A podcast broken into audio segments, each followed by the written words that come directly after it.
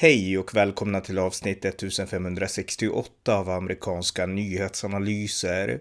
En konservativ podcast med mig, Ronny Berggren. Kriget i Ukraina följs med intresse av hela världen, kanske i synnerhet Kina och Taiwan, som befinner sig i ett snarlikt förhållande som det mellan Ryssland och Ukraina. Kina-experten Jojo Olsson skriver om detta i den nysläppta rapporten Taiwan i ljuset av Ukraina för tankesmedjan Fri Värld. Här samtalar vi om ämnet utifrån rapporten. Varmt välkomna! Jojo Olsson, välkommen! Tack så mycket! Du är expert på situationen i Asien och nu har du just skrivit en rapport för tankesmedjan Fri Värld som heter Taiwan i ljuset av Ukraina. Och när vi poddade senast du och jag häromveckan då Eh, då kom vi in lite grann på paralleller mellan Ukraina och Taiwan och du sa att vi, vi kan väl avvakta därför att det är en rapport på gång och nu är rapporten kommen och jag har just läst den och den är otroligt intressant och eh, ja, jag tänkte vi skulle prata lite om den. Kan du övergripande bara förklara i början vad slutsatsen av den här rapporten är? Du skriver om det i inledningen också. Ja, i rapporten finns eh, ett par slutsatser som man kan nämna.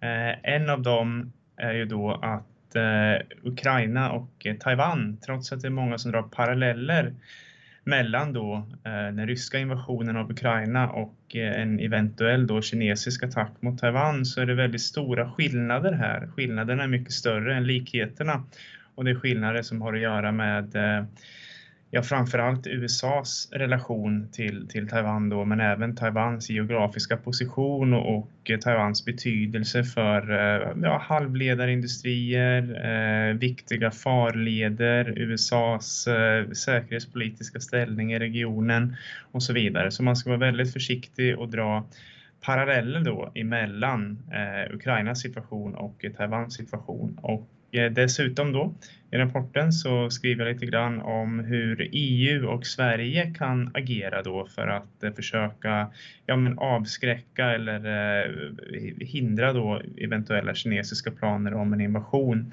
Eh, Tankesmedjan Frivel har ju som främsta fokus då eh, europeisk säkerhetspolitik så det handlar inte lika mycket om USA då även fast USA och Japan även tas upp i rapporten. Eh, så det är väl eh, de två delarna framför allt och sen avslutas det lite också med eh, Sveriges som man säger, status och vad Sverige då skulle kunna göra också i avseende med relationen till Taiwan då i avseende i den här spända säkerhetspolitiska situationen som har uppstått efter den ryska invasionen av Ukraina. Mm. Men om vi börjar med det lilla avsnittet då, alltså likheterna som ändå finns, parallellerna mellan Ryssland, Ukraina och Taiwan och Kina. Om vi börjar där, vad skulle du säga att de är? Ja, en av de vanligaste frågorna som jag själv har fått eh, efter den ryska invasionen av Ukraina är ju hur påverkar det här eh, risken för en kinesisk attack mot Taiwan? För att det finns ju då de här likheterna att det handlar om två stycken demokratier som saknar allierade, vare sig Taiwan eller Ukraina har inga formellt allierade länder och eh, de har en stor aggressiv diktatur till granne som av historiska skäl gör anspråk då eh, på de här ländernas territorium och vill i stort sett eh, ja, men, ta bort dem från kartan och, och förinta dess själv, självbestämmande. Då. Eh, så det är ju likheter. Och sen utöver det så har vi ju en, eh, ett eh, nära samarbete mellan Kina och Ryssland som har expanderat då de senaste månaderna. Vi såg ju framförallt då i samband med invigningen av vinter-OS i Peking hur Vladimir Putin och Xi Jinping, då, Kinas president, träffades och hade det här mötet som resulterade i en Eh, deklarationen, kommuniké tillsammans där Xi Jinping då backade upp eh, Putins krav på att NATO inte ska expandera med fler medlemsländer samtidigt som eh, Putin då också uttryckt sitt stöd för Kinas anspråk på Taiwan. Så vi har de här geografiska och historiska likheterna och dessutom har vi ett utökat samarbete då mellan Ryssland och Kina. Och en likhet som man kan läsa mellan raderna också, det är att du skriver i inledningen att, eh, att eh, Taiwan upplever att det militära trycket från Kina är det värsta på väldigt lång tid. På 40 år tror jag att den eh, försvarsministern i Taiwan sa. Och den likheten finns ju mellan jag menar, Ukraina och Ryssland också, där Ryssland det senaste året trappade upp enormt militärt innan man gick in i Ukraina. Ja, det stämmer bra. Vi har ju sett de här militära provokationerna från Kinas håll då, framförallt i form av stridsflygplan som eh, tar sig igenom Taiwans luftförsvarszon då, men även eh, mer provokativa handlingar, aggressiva handlingar av Kinas flotta och kinesiska fiskefartyg eh, har ju då som sagt lett till att landets försvarsminister och ja, sannolikt även regeringen då tycker att Eh, det här är den mest ansträngda situationen på, på 40 år. Och varför just 40 år? Det var för att försvarsministern som sa det här hade varit i tjänst i 40 år, men han har i alla fall då inte upplevt eh, några mer aggressiva påtryckningar och eh, det såg vi ju Rysslands truppuppbyggnad innan attacken mot Ukraina också skedde ju gradvis. Dock ska ju då eh, viktigt att påpeka att vi har inte sett de här stora truppförflyttningarna från Kinas håll som skulle behöva äga rum och som skulle ta ett par månader minst då eh, innan en attack mot eh, Taiwan. Så eh, vi har inte sett några stora truppförflyttningar men vi har sett en betydande ökning i de här provokationerna då, framförallt i luften och till havs. Mm. Och en annan likhet, men kanske finns olikheter också, så vi kan gå in på, på om en stund. Men en likhet är ändå att båda de här respektive länderna, Ryssland och Kina, de försöker avskärma de här regionerna, om man får säga så, Ukraina och Taiwan från det internationella samfundet. Alltså Ryssland vill inte att Ukraina ska närma sig EU och eh, Kina vill inte att Taiwan ska, alltså de vill låsa ut Taiwan från olika internationella institutioner. Så det är väl också en viss likhet, även om det säkert finns skillnader också. Ja, det stämmer absolut. Man vill ju isolera eh, de här länderna av olika skäl. Då. Och eh, Kina har ju till och med lyckats eh, isolera Taiwan till den punkt att det idag bara är 14 länder som formellt har fullvärdiga diplomatiska relationer med Taiwan. Mm. Okej, okay, men om vi går in på olikheterna då. Vad skiljer liksom situationen Kina-Taiwan från Ryssland-Ukraina? Ja, olikheterna här, skillnaderna är mycket, mycket större och det är därför det är lite vanskligt att göra paralleller och dra paralleller då mellan Taiwan och Ukraina. Och eh, vad gäller de här olikheterna då, så rent krast som en del analytiker har pekat ut är att eh, Taiwan är eh, på många sätt viktigare helt enkelt än, än Ukraina och framförallt då för USA och som vi alla vet så är USA världens i särklass då starkaste militärmakt och även den ja, men ledande kraften inom NATO och Eh, det finns en rad anledningar för det här och eh, till att börja med så eh, Taiwans geografiska position. Eh, den ligger i, eh, ön ligger där då i några av världens viktigaste farleder och även centrum på vad som kallas då den första första ökedjan där i, Östasien så att om Kina skulle få kontroll över Taiwan så skulle det vara mycket lättare att även skapa osäkerhet i Japan, Filippinerna som är då eh, också amerikanska allierade. Men vid sidan av det så har vi kan man, också... Kan, en... För att skjuta in en sak då bara för kul. Kan man säga att Taiwan är Asiens Skottland? ja, ja, ja i, geografiskt möjligtvis men, men i säkerhetspolitiskt så väger det nog lite tyngre ja. än Skottland. Eh, Dessutom har vi mycket viktig industri eh, på Taiwan. Vi har eh, taiwanesiska företag, då, framförallt ett företag som heter TSMC, Taiwan Semiconductor, eh, Semiconductor Manufacturing Company som producerar mer än 90 procent av världens sofistikerade halvledare. Och de här halvledarna och mikrochippen då behövs ju i allting från elbilar till datorer och fram, även vapensystem.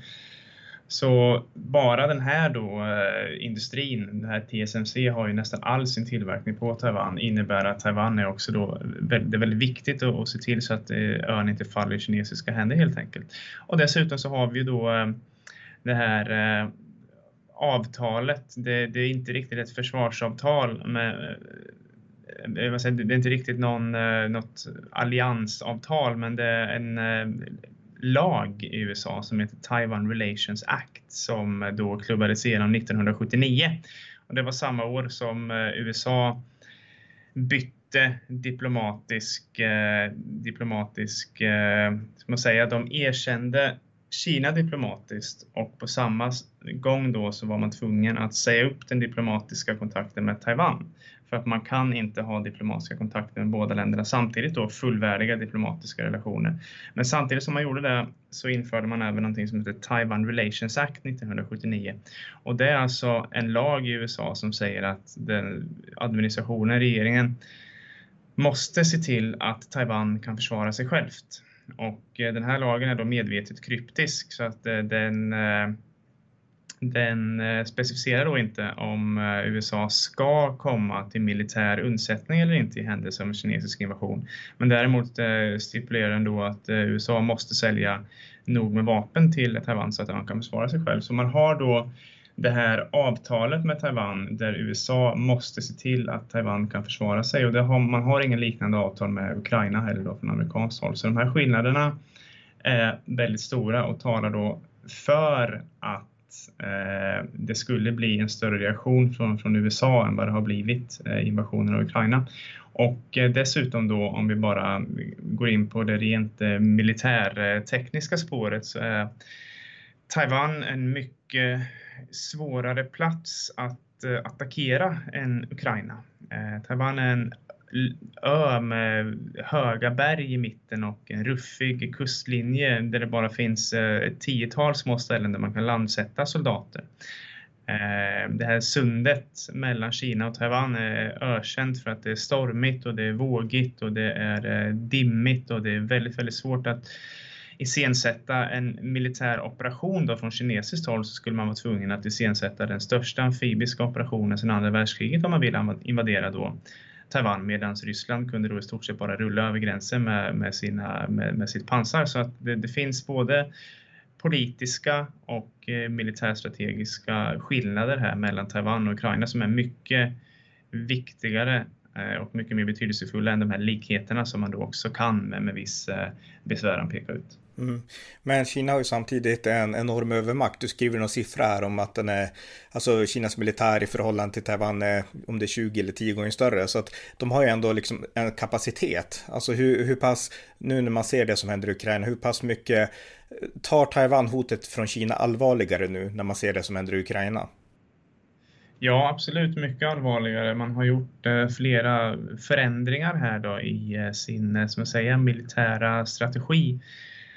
Eh, Taiwan har ju eh, köpt då tidigare främst de här stora vapenslag från USA. Man har eh, köpt många F16-plan, stridsflygplan, dyra eh, stridsvagnar.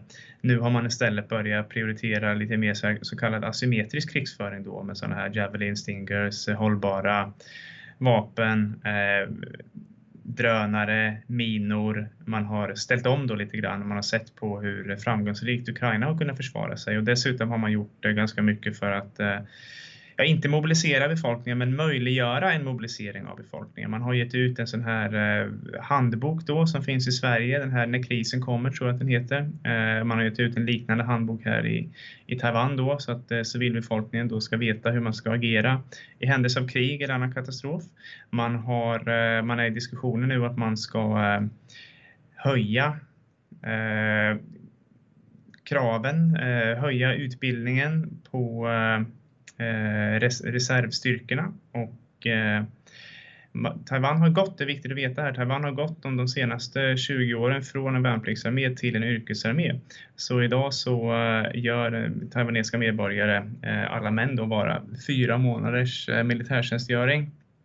Sen kan man då bli en del av reservstyrkorna efter det, men länge så har man inte tagit det här riktigt på allvar utan eh, den här utbildningen har varit eh, lite grann som en, ja man brukar skämta om att det är som ett sommarlov här på Taiwan när man gör den här utbildningen. Men nu börjar man se på det här mer allvarligt och eh, man har då både president och försvarsminister och även då inom parlamentet att man, man har pratat om att man måste höja kraven, måste höja kvaliteten och även eh, öka då längden på såväl den här grundläggande militära utbildningen som på reservstyrkorna så att man har med USAs rådgivning då så att säga, för att amerikanska rådgivare har länge eh, uppmanat Taiwan att istället eh, spendera mer på den här asymmetriska krigföringen. Så har man då från Taiwans håll eh, börjat anamma det här så att man har ändrat lite grann då strategi också i, i sitt anfall. Men sen i det här sammanhanget, eh, för, förlåt i sin, eh, sina försvars, eh, försvarsmetoder då, men sen är det också viktigt i, i sammanhanget att förstå att det inte bara en eh, attack, en all-out attack då som, som man säger, som eh, är risken med eh, kinesisk eh, militär eh, aktion mot Taiwan, utan Taiwan då som vi nämnde så har man fördelen av att vara en ö eh, när man ska försvara sig själv. Men det är också en nackdel när det gäller Eh, Eh, eh, att Taiwan är helt beroende av import för sin energiförsörjning, helt beroende av export för sin ekonomi och man är därmed väldigt sårbar för en blockad. Så det finns också eh, risken då, möjligheten från Kinas sida att eh, utsätta Taiwan från en blockad istället. Och eh, man kan även agera mot kanske någon av de här mindre ögrupperna, öarna utanför Taiwan. Taiwan består inte bara av en huvudö, det finns en ö som heter Jinmen exempelvis som ligger bara 10 kilometer från Taiwans kust, äh, förlåt, från Kinas kust där det bor 150 000 människor.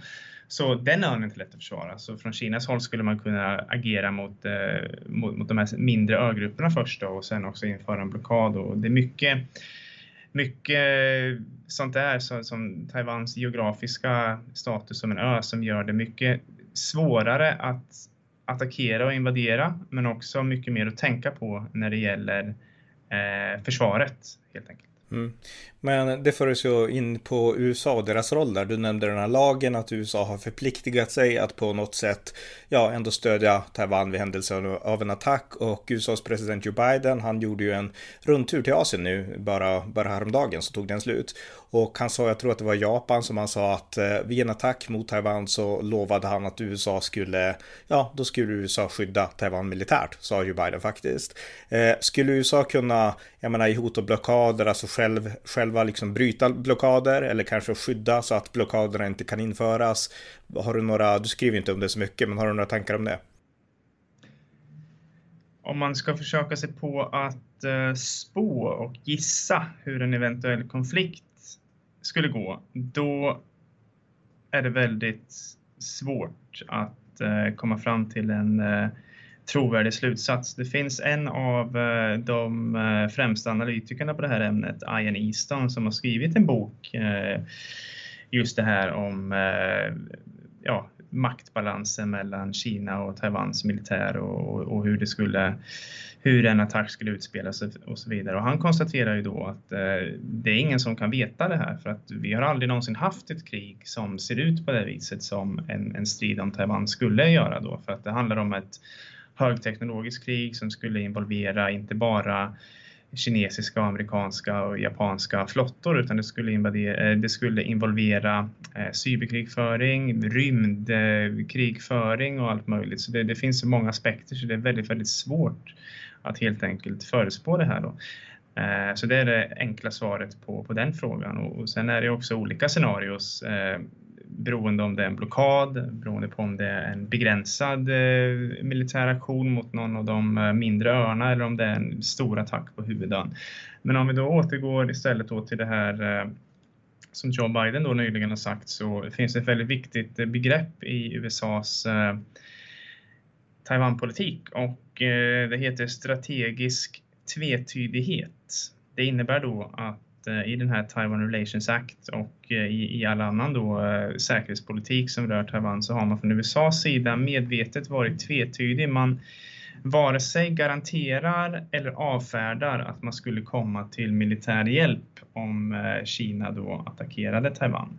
Och anledningen till det är då att man dels vill göra Kina osäker för att de inte ska attackera. Men samtidigt vill man också eh, visa då att eh, för, för på Taiwan finns det också politiska krafter som vill eh, ha en självständighetsförklaring och från USAs håll så vill man bara bevara status quo. Då. Så att eh, den här strategiska tvetydigheten är till både för att eh, hålla kinesiska militär, militären och taiwanesiska självständighetsivrare på mattan då så att säga. Men vad vi har sett de senaste ja, senaste året då eh, framför allt, det är att man har börjat eh, man har börjat eh, överge den här strategiska tvetydigheten. Som, som, du mycket riktigt nämnde då, så sa ju Joe Biden när han var i besök i Japan då i början av veckan att eh, USA skulle skicka trupp till eh, Taiwan om Kina attackerade.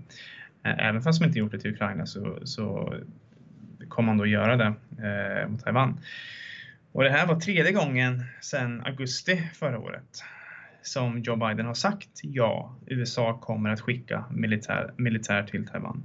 Varje gång dock så har Vita huset gått ut och avfärdat det här och sagt att eh, nej, det, är ingen, det här innebär ingen förändring i vår strategiska tvetydighet, den ligger kvar. Och eh, Joe Biden gick även ut och förklarade sitt eget uttalande sist här och sa att det här innebär ingen riktig förändring i, i vår politik. Och, och vad innebär det här då? Ja, det är precis som en strid mellan USA och, och Taiwan, så, eh, förlåt, USA och Kina, så kan man bara spekulera i vad menar Joe Biden när han går ut på åtta månader, mindre än tio månader och säger så här tre gånger. Är det medvetet att han eh, går ut och eh, så att säga höjer den här eh, amerikanska beredskapen gentemot Kina för att avskräcka Kina? Eller säger han bara vad han tänker eller, eller säger han fel? Eh, det sista är väldigt osannolikt för att Joe Biden har väldigt lång erfarenhet. Han var redan senator 1979 när Taiwan Relations Act utarbetades så han är väldigt väl bevandrad med de här detaljerna i, i Taiwan Relations Act. Så om, jag skulle gissa då så har det sannolikt med att göra då att man vill eh, trappa upp eh, den här avskräckningen av Kina och därför säger man då rakt ut att eh, vi kommer komma till, till Taiwans hjälp om, om Kina attackerar. Mm. Och eh, man kan väl säga också att USA har mycket mer prestige investerat i Asien än man har i Europa. Jag menar, USA är visserligen det ledande landet i NATO, men USA är inte det enda landet i NATO. Eh, Medan i Asien så är det bara USA som upprätthåller den här säkerhet som ändå finns där, som gör att Kina inte kan ta över varenda land. Eh, så att det finns väl mer prestige på spel också för USA och Asien. Det finns mer prestige och eh, man har ju då, eh, ja, Japan, Sydkorea, Filippinerna. Länder där man eh, har trupp och, och vars eh, länder man garanterar då deras eh, säkerhet, vilket ligger i USAs intresse och, och definitivt även i Europas intresse eftersom det här håller då farvattnen, exportlederna öppna. Det innebär att taiwanesisk och japansk och sydkoreansk industri kan producera och exportera precis som vanligt. Så man har ju det intresset och om man skulle misslyckas så att säga med att försvara Taiwan då skulle, ju, skulle man ju tappa förtroendekapital i, eh, i Japan och Sydkorea och Filippinerna och andra länder i regionen. Så det går inte från USAs håll att eh, så att säga förlora Taiwan och samtidigt fortsätta vara en garant för eh, säkerheten för andra länder i regionen. Nej. Eh, vi ska komma in lite grann på Europas roll också, men innan det är en fråga som eh, rör Kinas kapacitet. I förhållande till Ryssland och Ukraina så diskuteras ju kärnvapen väldigt ofta därför att Putin har hotat med kärnvapen. Eh, Kina är också en kärnvapenmakt, inte som Ryssland, inte som USA, men en kärnvapenmakt likväl. Och eh, finns den aspekten liksom i förhållande till Taiwan på samma sätt som i förhållande kanske till Ukraina och NATO? Ja, absolut. Vi har sett en väldigt eh snabb utbyggnad av den kinesiska kärnvapenarsenalen här på senare år. Eh, vi vet ju då att USA och Ryssland de håller på och eh, diskuterar om nedrustning. De har det här startavtalet. Eh, jag vet inte exakt vad det har inneburit hittills men man har i alla fall en ambition och man har väl till en viss utsträckning redan påbörjat att nedrusta. Men Kina är inte alls intresserad av det här utan man expanderar istället sin, sin kärnvapenarsenal. Och det ska ju sägas att Kina kommer givetvis från ett lägre nummer. Man har ju inte lika stora arsenaler som, eh, som Ryssland och USA har. Men man eh, expanderar sin kärnvapenarsenal mycket fort och det här har ju också att göra med att man vill ha en så kallad nuclear deterrence. Man vill ha förmågan att kunna avskräcka med sina egna kärnvapen. Så det här är absolut en väldigt viktig aspekt. Eh, kinesiska kärnvapen blir både fler till antalet och, eh, och mer avancerade och, och många spekulerar ju givetvis i att eh, det här är en viktig del i en framtida eventuell eh, attack mot eller invasion av Taiwan. Att man måste ha nog med kärnvapen för att då kunna avråda andra länder att eh, eh ja, men lägga sig i en, en sån konflikt. Mm, just det.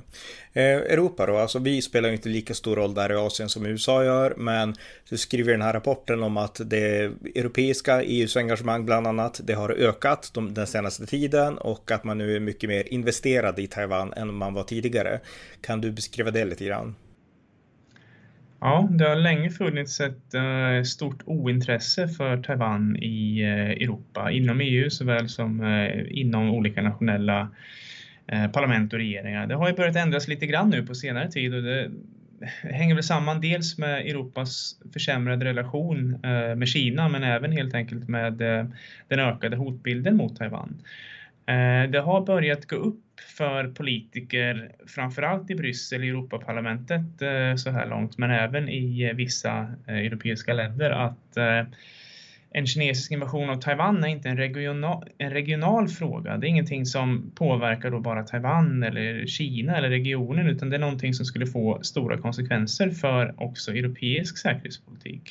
Dels så eh, ja, skulle de här eh, viktiga farlederna, exportlederna då falla under kinesisk kontroll. Dels så skulle europeiska företag vara beroende av Kina när det kommer till halvledare och mikrochip som är så sofistikerade att de kan helt enkelt eh, stanna upp hela den europeiska och för den delen amerikanska industrin om, om de inte fortsätter tillverkas. Och eh, det pratas ju ofta eh, från EUs håll och flera europeiska stater som, som Sverige har den här demokratioffensiven då, att man vill eh, främja en demokratisk utveckling i Asien och eh, om man lägger då, om man låter då områdets och världens största diktatur lägga vantarna på eh, Asiens främsta demokrati. Så eh, ja, det är ju helt stick i stäv med den, eh, den här ambitionen som man då har från europeiskt håll att sprida demokratiska värderingar och universella mänskliga rättigheter och så vidare. Och samtidigt nu då i ljuset av den här ryska invasionen av Ukraina så ja, det som stärker Kina stärker ju också indirekt eh, Ryssland i det här säkerhetspolitiska landskapet som vi befinner sig i idag. Mm. Eh, världen hänger ihop och eh, du avslutar med att skriva lite om Sverige också, att Sverige har hamnat på efterkälken och du har en ganska rolig historia om en svensk, jag vet inte om han är diplomat, Håkan Jeverell tror jag han heter, och, eh, eller den här diplomaten som Sverige har i Taiwan. Berätta historien, jag läste det för ett tag sedan men, men jag, jag förstår inte detaljerna, men det, det var kul när jag läste det. Mm. Sverige är det enda landet, enda EU-landet som eh, sedan pandemin började har eh, eh, minskat sin eh, närvaro här på Taiwan. Eh, vi är idag det enda EU-landet som har en så kallad eh, ja, men icke bofast eh, ambassadör. Eh, Håkan Jevrell var den tidigare Eh, ambassadören här på Taiwan, den svenska ambassadören. Eh, han ersättes då hösten 2020 av Bengt Karlsson. Nu ambassadör är inte den titeln de har då i och med att eh, vi inte har fullvärdiga diplomatiska relationer med Taiwan, men det är enklast att säga ambassadör i och med att personen i fråga fungerar som, som en ambassadör med vissa begränsningar då. Men, men det är i alla fall den här representationen då, den representanten, den svenska representanten. Sen sedan hösten eh, 2020 så eh, har den svenska representanten, ambassadören Bengt Karlsson, eh, spenderat mindre än halva sin tid här på Taiwan och resterande tid i Stockholm. Och det är ingen som riktigt förstår varför och allra minst andra EU-länder eller taiwanesiska myndigheter förstår varför. Bara som ett exempel då som jag nämner i rapporten också så hålls det varannan månad möten som kallas HOMS HOMS mellan eh, alla då eh, europeiska representanter här på Taiwan och eh, företrädare från taiwanesiska myndigheter eller näringsliv och här närvarar alltid alla länder. Om representanten är borta så skickar han en ställföreträdare då oftast, men Sverige har bara närvarat på ett par på, på två eller tre stycken sådana möten sedan hösten 2020, så man är helt enkelt inte närvarande där alls. Och, eh, svenska medborgare, svenska företag här på Taiwan har inte fått något stöd alls överhuvudtaget från, eh, från den svenska ja, så kallade ambassaden här på Taiwan. Så sedan hösten 2020 så har man helt eh, blivit helt osynliga från svensk sida på Taiwan. Eh, vilket då drabbar, ja, först då direkt så drabbar det ju svenska medborgare och företag här, men det drabbar också Sveriges rykte på, på Taiwan och, och, det sker även i en period då andra europeiska länder trappar upp sin närvaro här och eh, andra då eh, europeiska länder och EU inser att Taiwan blir mer och mer viktigt och därför lägger mer och mer fokus på Taiwan så har man då gått eh, helt åt andra hållet från svenskt håll. Och det är intressant då eftersom Taiwan är ett land som söker, alltså de söker de söker internationella relationer för att de vill inte bli isolerade. Så då kan man tänka att vän, länder som är vänskapligt sinnade, de ser till att verkligen ta representationen seriöst. Men Sverige gör inte det. Är det här äh, ansvaret regeringens ytterst eller vet du det? Det, man kan i alla fall säga med säkerhet att det är regeringen som äh, visar minst entusiasm för att eh, stärka relationen med, med, Taiwan. Givetvis är det ju regeringen som bestämmer över representationen här genom UD idag. Och eh, vid sidan av det då så hade vi en eh, delegation här på eh, Taiwan med svenska riksdagsledamöter och eh, Europaparlamentariker, 11 stycken till antalet förra månaden. Och där fanns det inte en enda representant från, eh, från Socialdemokraterna, från regeringspartiet. Och eh, vi har även då ett, eh, vi hade en omröstning i riksdagen Eh, tidigare den här månaden om ett så kallat House of Sweden som då skulle vara en utökning av den svenska närvaron här i form av eh, ett koncept som vi har i USA. Att eh, i ett House of Sweden så finns det svenska representanter men det finns också kulturella evenemang, det finns också möten för företag eller för eh, konferenser och så vidare. Och där röstade alla partier, alla ledamöter i alla partier utom just Socialdemokraterna röstade ja för det här förslaget. Så, så röstade nej då, eh, varenda socialdemokratisk riksdagsledamot. Och en annan viktig sak är då att det här har ju börjat uppmärksammas och det var en interpellationsdebatt i riksdagen tidigare i år där Ann Linde, då, utrikesministern, fick frågan om vad, vad är anledningen till att Sverige inte har någon bofast eh, representant, inte har någon eh, ambassadör idag på Taiwan. Och då skyllde hon på pandemin. Då sa hon att det, det ska inte vara så svårt att förstå att det beror på pandemin, snäste hon av då, jag tror det var Boriana eh, Åberg från Moderaterna. Och det är väldigt märkligt då för att inget annat europeiskt land har gjort likadant på grund av pandemin och de har ju samma regler att förhålla sig till som, som Sverige har. Och eh, samtidigt så har pandemin heller inte påverkat eh, den svenska ambassadörens eh, status i Kina och Kina har mycket strängare regler kring pandemin då eh, än, än vad Taiwan har haft. Så att eh, det är något väldigt eh, mystiskt i, i görningen här. Det finns eh, från eh, regeringens håll en slående ovilja att engagera sig för, för Taiwan i en tid när andra europeiska länders engagemang är växande. Som sista fråga, det här är mer spekulation, men kan du ju spekulera i vad det beror på? Att, att Socialdemokraterna och regeringen nu har den alltså, konstiga inställningen.